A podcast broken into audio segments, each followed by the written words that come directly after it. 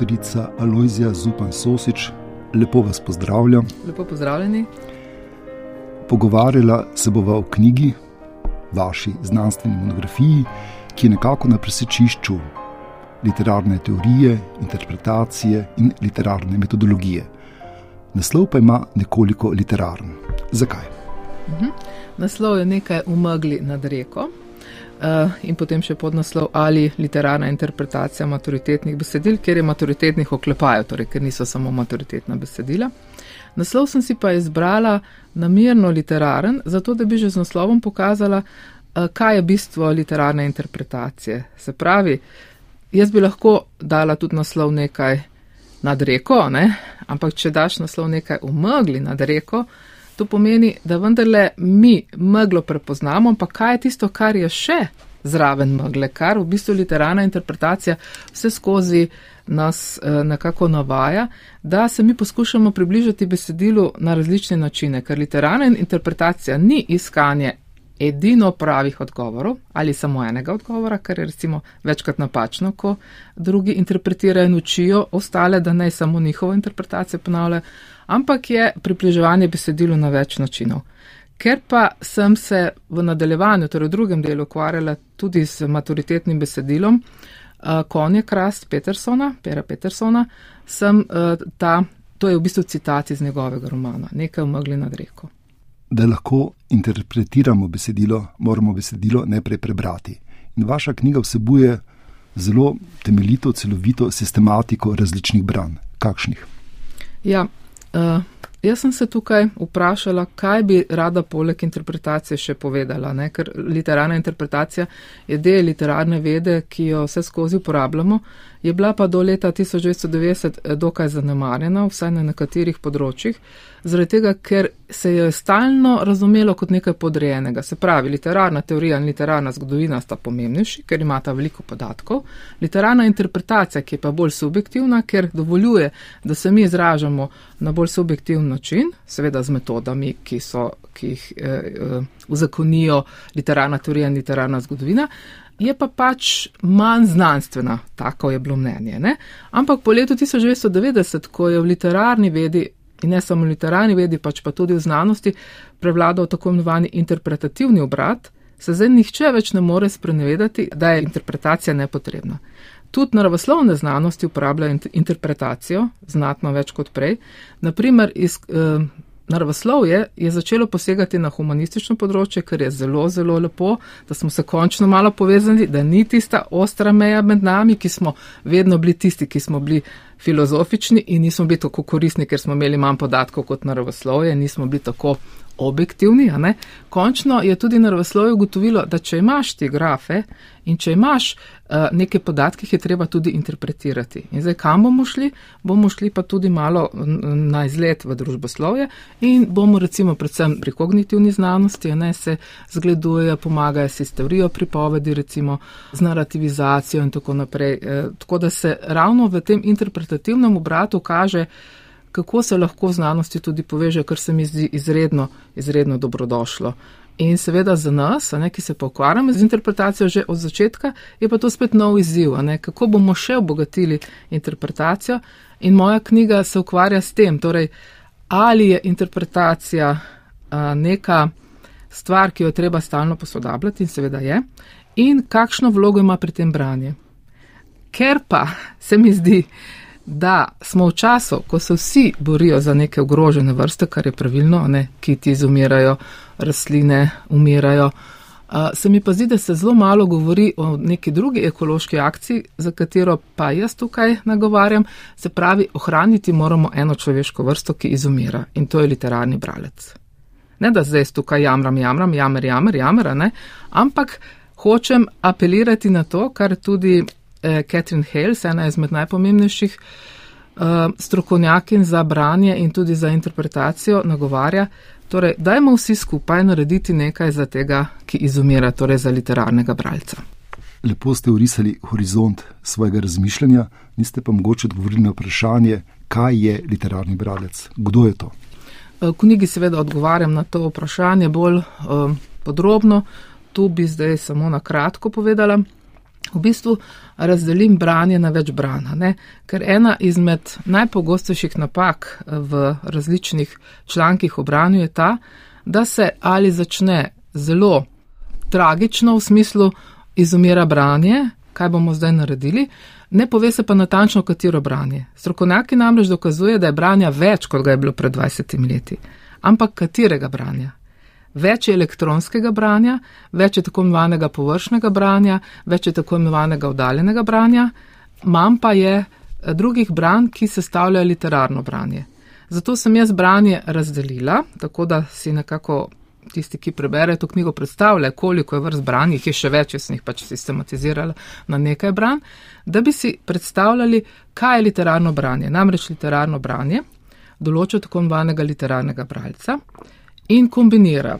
Zdaj bom samo na kratko povedala. Literarno branje upošteva vedno glasno in tiho branje. Se pravi, če sem jaz profesorica književnosti, si ne smem privoščiti, da bom rekla svojim študentom in študentkam, no, tole se zdaj kar tiho preberite, pa se bomo o tem pogovorili. Zakaj? Ker sem s tem zamudila zelo pomemben element. To je ta afektivni element, ki ga tudi afektivna hermeneutika zagovarja, to je ta nova smer, ki jo opisujem in je je prvič v Sloveniji, da je opisana ta smer eh, v svojem poglavju z naslovom Smeri interpretacije v 21. stoletju.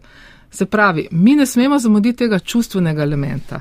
Če jaz preberem glasno pred študenti, prepričljivo, seveda doma sem se morala na to pripraviti in lepo, potem naredim ta čustveni premor in se potem pogovorim z njimi, sem jim olajšala njihovo pridobivanje znanja, vedenja o tem besedilu. To pomeni, da literarni bralec mora brati glasno in tiho.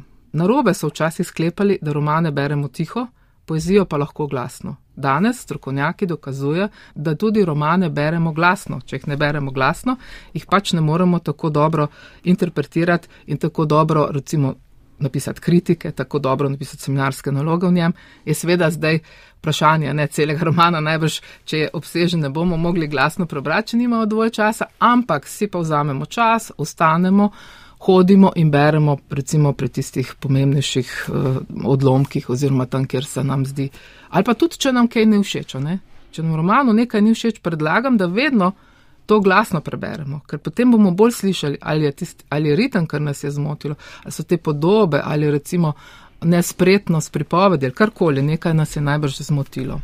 V vašem prejšnjem odgovoru smo je porodila vrsta vprašanj in nekaj bi zdaj tako na kratko uh -huh, nanizal. Uh -huh. Naprimer, naslov vaše monografije je literaren. Uh mhm. -huh. Zdaj, literarna znanost potrebuje literaturo. Ali literatura potrebuje tudi literarno znanost? Absolutno. To je bil tudi eden izmed kompleksov oziroma eden od stereotipov, ki uh, nas je včasih tudi malo pretresel, ko smo opisovali književnost. Ne? Jaz vem, da ko sem upisala najprej uh, pač eh, slovenistiko, potem srbokrotistiko, potem pa še primerjalno književnost, mi je kar nekaj kolegov reklo, ja, ampak zdaj, ko boš pa imela toliko znanja, zdaj pa boš, ne boš več mogla brati neobremenjeno, nedolžno. Ne? Jaz mislim, da je to napačno razumevanje. Namreč literarna interpretacija nam pomaga izraziti in v bistvu doživeti, izraziti in potem tudi poglobiti tisto, kar je neizrezljivo, ko mi beremo. Ne mislim, da moramo zdaj vse znati izraziti, ne? ker umetnost deluje tudi izven racionalnih eh, dimenzij, zato je tako pomembna. Ker mi se v življenju ukvarjamo samo z računi, samo s pritiski, samo s tem, kaj moramo narediti do določene sekunde in vse racionalno premisliti, umetnost nam pa nudi, da lahko izklopimo malo možgane. Zato, in neke vrste meditacije. Ne? Ja, neke vrste meditacije, hkrati pa tudi dopolnjevanje našega bistva z estetskimi, kognitivnimi, emocionalnimi učinki in tako naprej. Zato je zelo pomembno, da se pri književnosti ne dajo podatkovna vprašanja. Naprimer, eno tako vprašanje, ki je mene tako prizadelo, ker je bilo v neki nalogi za učence, recimo, ki so brali roman More v času mrka, odličen roman Mate ta dolenca, je bilo povprašanje za učence. Katere ribe je glavni lik ujel? Katere ribe je v prvem poglavju, katere v drugem? Kako je bil oblečen literarni lik v tretjem poglavju? Lejte, ta vprašanja se postavlja na, na drugih področjih. Mi postavimo vprašanje, kaj pomeni morje v tem romanu? Kako lik doživlja mlajšo žensko? Zakaj se odloči za mlajšo? ker je ta ženska, v katero se zaljubi glavni lik, tudi simbol. Ona ni samo ženska. Uh, kaj mu pomenijo ribe? Kako si ti doživel to, ta stik z morjem? Ne? To se pravi, vprašamo še po osebni izkušnji. Čisto vsi smo najbrž videli v Sloveniji morje, čisto vsi smo se kdaj potopili van. Se pravi, kako smo ga mi doživeli. Dajmo možnost osebnega doživetja, kadar se stikamo s književnostjo in to tudi afektivna hermeneutika uh, nas nagovarja k temu. K čustvom zagotovo še pridemo. Ja. Ampak prej ste omenjali dele literarne znanosti, literarne vede, uh -huh. niste omenili metodologije. Jo razumete kot del literarne teorije? Kako jo razumete? Ja, me metodologija je tako in tako inštrumentarija. Ne? Metodologija so različni inštrumenti, je teoretsko orodje, s katerim zagrabimo ta občutljivi predmet, ki je seveda književnost. Uh, In recimo nekateri poti v interpretaciji razumejo samo kot načine razlage, nekateri kot metode. Jaz sem jih obravnavala na različnih nivojih, ne ko sem naštevala eh, pravzaprav vrste interpretacije, sem morala posegati ne samo v interpretacijo, pač pa v različne metode. Zato sem se posluževala tako imenovanega metodološkega pluralizma. Danes si pač ne moremo privoščiti v 21. stoletju, da se primemo za, za dve metodi ali pa za dva načina in uh, mislimo, da sta ta edino uh, odrešilna in samo s tem recimo komuniciramo. Čustva. O njih ste že nekaj povedali. Moj občutek je, da je tradicionalna literarna veda nekako čustva prezrla. Naprimer, ko je analizirala etične plasti v literarnem delu, so čustva nekako podrejena ob strani. Ko je, naprimer, analizirala spoznavno vrednost literarnega dela, spet so čustva nekako obstala nekje ob strani, da ne govorimo o estetskih analizah. Ali imajo čustva mogoče vseeno neko pomembnejšo mesto v literarni vedi danes, kako jih obravnavate, kako jih analizirate, recimo v neki konkretni interpretaciji. Kaj vas zanima, ko slišite besedo čustva? Ja, o tem bi pa res lahko govorila veliko. Bom poskušala na kratko. Logično je, da se prej ni toliko posvečalo čustvom, čeprav se meni že kot študentki zdelo, pa kaj mi sploh govorimo, same teze postavljamo, a nismo niti besedila prebrali, nismo se pogovorili, kakšen učink ima, kako je pisatelj ta učink sploh sestavil. No, in potem sem šele naknadno spoznala, da, da recimo šele v 90-ih letih se je začelo pisati in govoriti o čustveni inteligenci. Poglejte, kje smo mi. Se pravi, prej smo naredili letalo, prej smo padli z letala dol imeli letalske nesreče, šele leta 1990 smo pa ugotovili, da končno lahko združimo inteligenco in čustva in uh, od takrat se recimo imenuje tudi uh, kogmocija, ne? Ta izraz smo uh, preveli cogmotion, se pravi, kadar združimo kognitivno in emotivno, se to imenuje kogmocija. In jaz se tudi v tej knjigi zauzemam za kogmotivni pristop. Torej se ne zauzemam za to, da bodo čustva prevladovala, da bomo mi prebrali eno pesem, pa bomo rekli, ja, koliko sem pa jaz le žalosten zraven, ja, veš, koliko sem joko, kar robčke sem ven potegnil, žalosten sem zaradi tega in tega verza, ne ampak gre za to, da bomo mi znali povedati svoje občutke in jih seveda objektivizirati, jih tudi razložiti z določenimi metodami, zakaj je ta pesem tako žalostna, kakšen namen ima, ali je preveč patetična, preveč sentimentalna, s kakšnimi sredstvi so čustva ustvarjena, ali je res samo žalost, ali je to potem recimo elegija, ne, ker, je, ker so tako žalostni občutki. Torej, čustva so zelo pomembna, to je zdaj ta, da povzemam ta odgovor. In končno se tudi ne samo literarna veda, ker seveda to, da so čustva pomembna, je literarna veda iz uh, kognitivne znanosti povzela in tudi iz psihologije, iz razvoja psihoanalize in tako naprej. In zdaj tudi vse ostale znanosti to upošteva, ne samo literarna veda. In se mi zdi, da smo tu pa zdaj na pravi poti, če bomo pač znali nekako najti kogmocijo pravo, to se pravi res povezavo kognitivnega in emocionalnega. Recimo Rita Felski, ki zagovarja tako imenovano afektivno hermeneutiko, se tudi zelo dobro zaveda, da takoj, ko ti začneš govoriti o čustvih, te že nekako obtožijo, če si pa ženska, pa sploh, a ja, no, vse ženske bojo pa spet sentimentalizirale, ne, ko bodo nekaj govorile. In dobro ve, da je potrebno pri vsaki analizi upoštevati vse racionalne postopke, seveda, ampak hkrati tudi emocije. Dejali ste, če bomo uspeli, To je prva stvar, ki me zanima. In druga, če bo literarna znanost upoštevala čustva na način, kot ste ga pravkar opisali, ali to pomeni, da bo lahko tudi prevrednotila mogoče literarno zgodovino. Ja, Jean-François Vernet, recimo v Franciji, je že tako vpliven, zdaj pa kako bomo mi poslušali in kam bomo šli, to je seveda naša volja. Ne? Da je recimo že njihova didaktika začela spreminjati učne načrte. In to je absolutno nujno tudi pri nas. To pomeni, da se pri preširnovi pesmi ne vpraša, kdaj se je preširn rodil, je pomembno, da vemo, da se je rodil v 19. stoletju.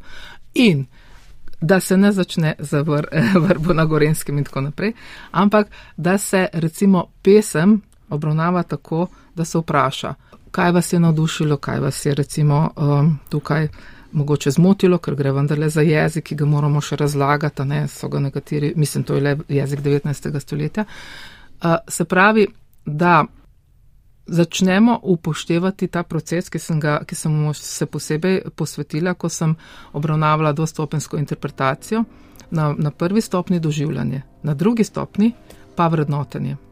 Torej, mi moramo znati tudi ločiti, kaj je kvalitetno in kaj ni, glede na to, da nastane v Sloveniji 150 romanov na leto, pesniški zbirk več kot 200 in tako naprej, moramo tudi znati izločiti dela, ki niso dovolj kvalitetna in se posvečati bolj kvalitetnim delom. Kar običajno v šolskih programih je tako, ampak moramo tudi znati naučiti učence in učenke, da bodo sami potem lahko stvari izbirali, ko bodo v svojem življenju spet še kaj brali.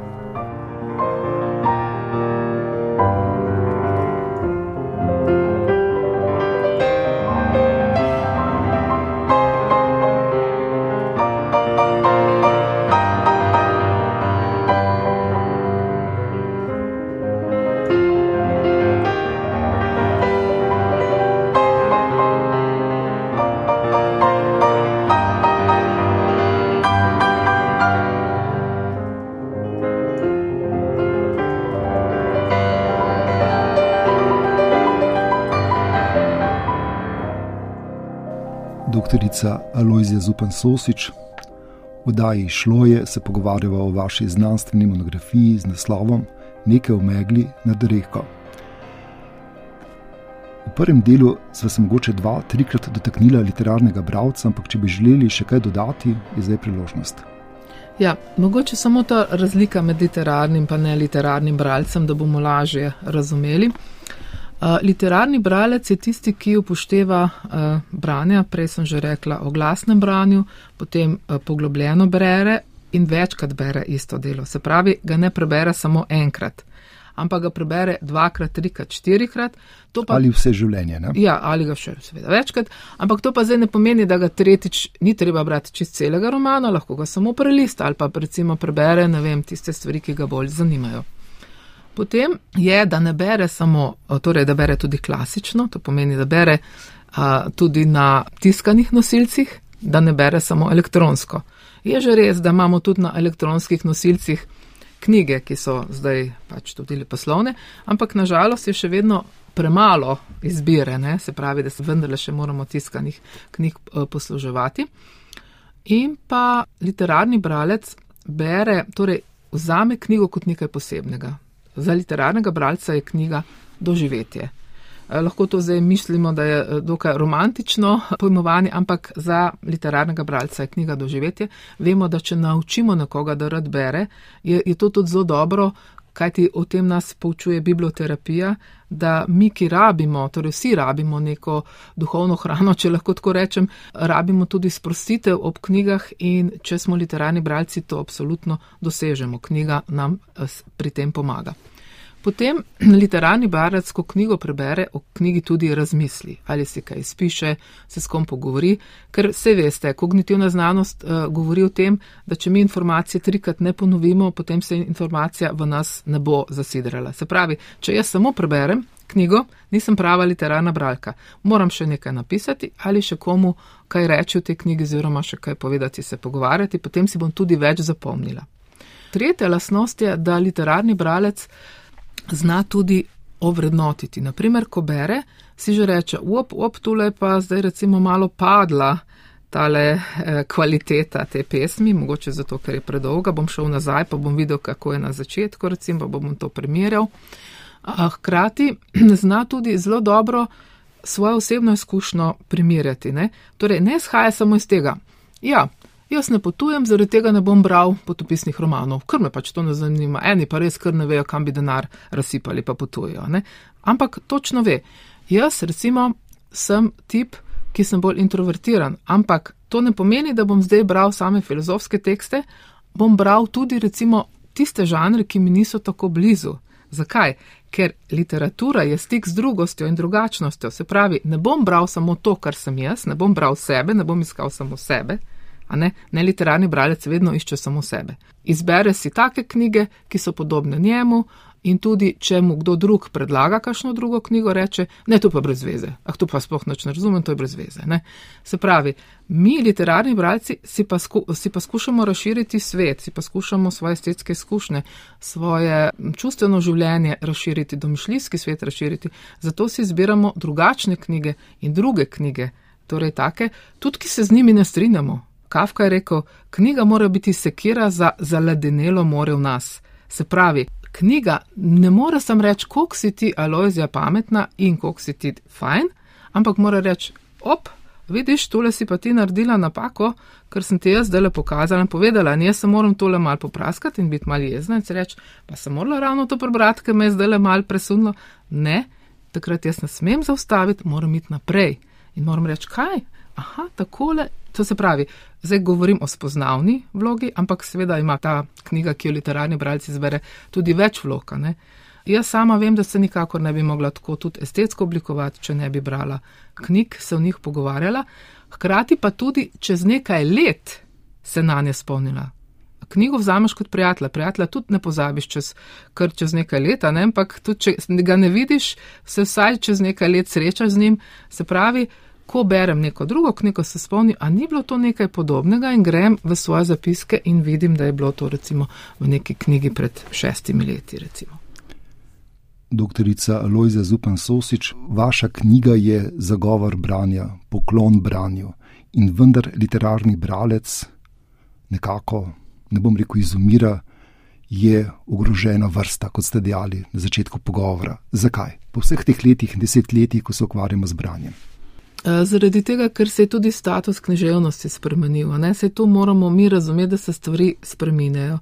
Ne? Um, nekako ta eschatološka vloga umetnosti, ki je bila še recimo na začetku 20. stoletja, zdaj bi lahko rekli rahlo umira, zamira, ampak to zdaj ne pomeni, da mi vržemo stran puško v koruzo, ne, da jo vržemo, ampak da si rečemo, ja ne, to je pa treba zdaj pomagati, ne, to kot pri ogroženi vrsti, ne, če vidimo, da nekaj ne deluje tako, pač pomagamo. In, in zaradi tega naj bi ta knjiga pripomogla k temu, da se malo določene stvari zavedamo in da poskušamo uh, pomagati tej ogroženi literarni vrsti, s tem, da se bodo tista branja, ki so malo bolj ogrožena, malo bolj recimo zdaj izpostavili. Kakšen je vaš avtorski, intelektualni, človeški, intimni užitek v pisanju interpretacij?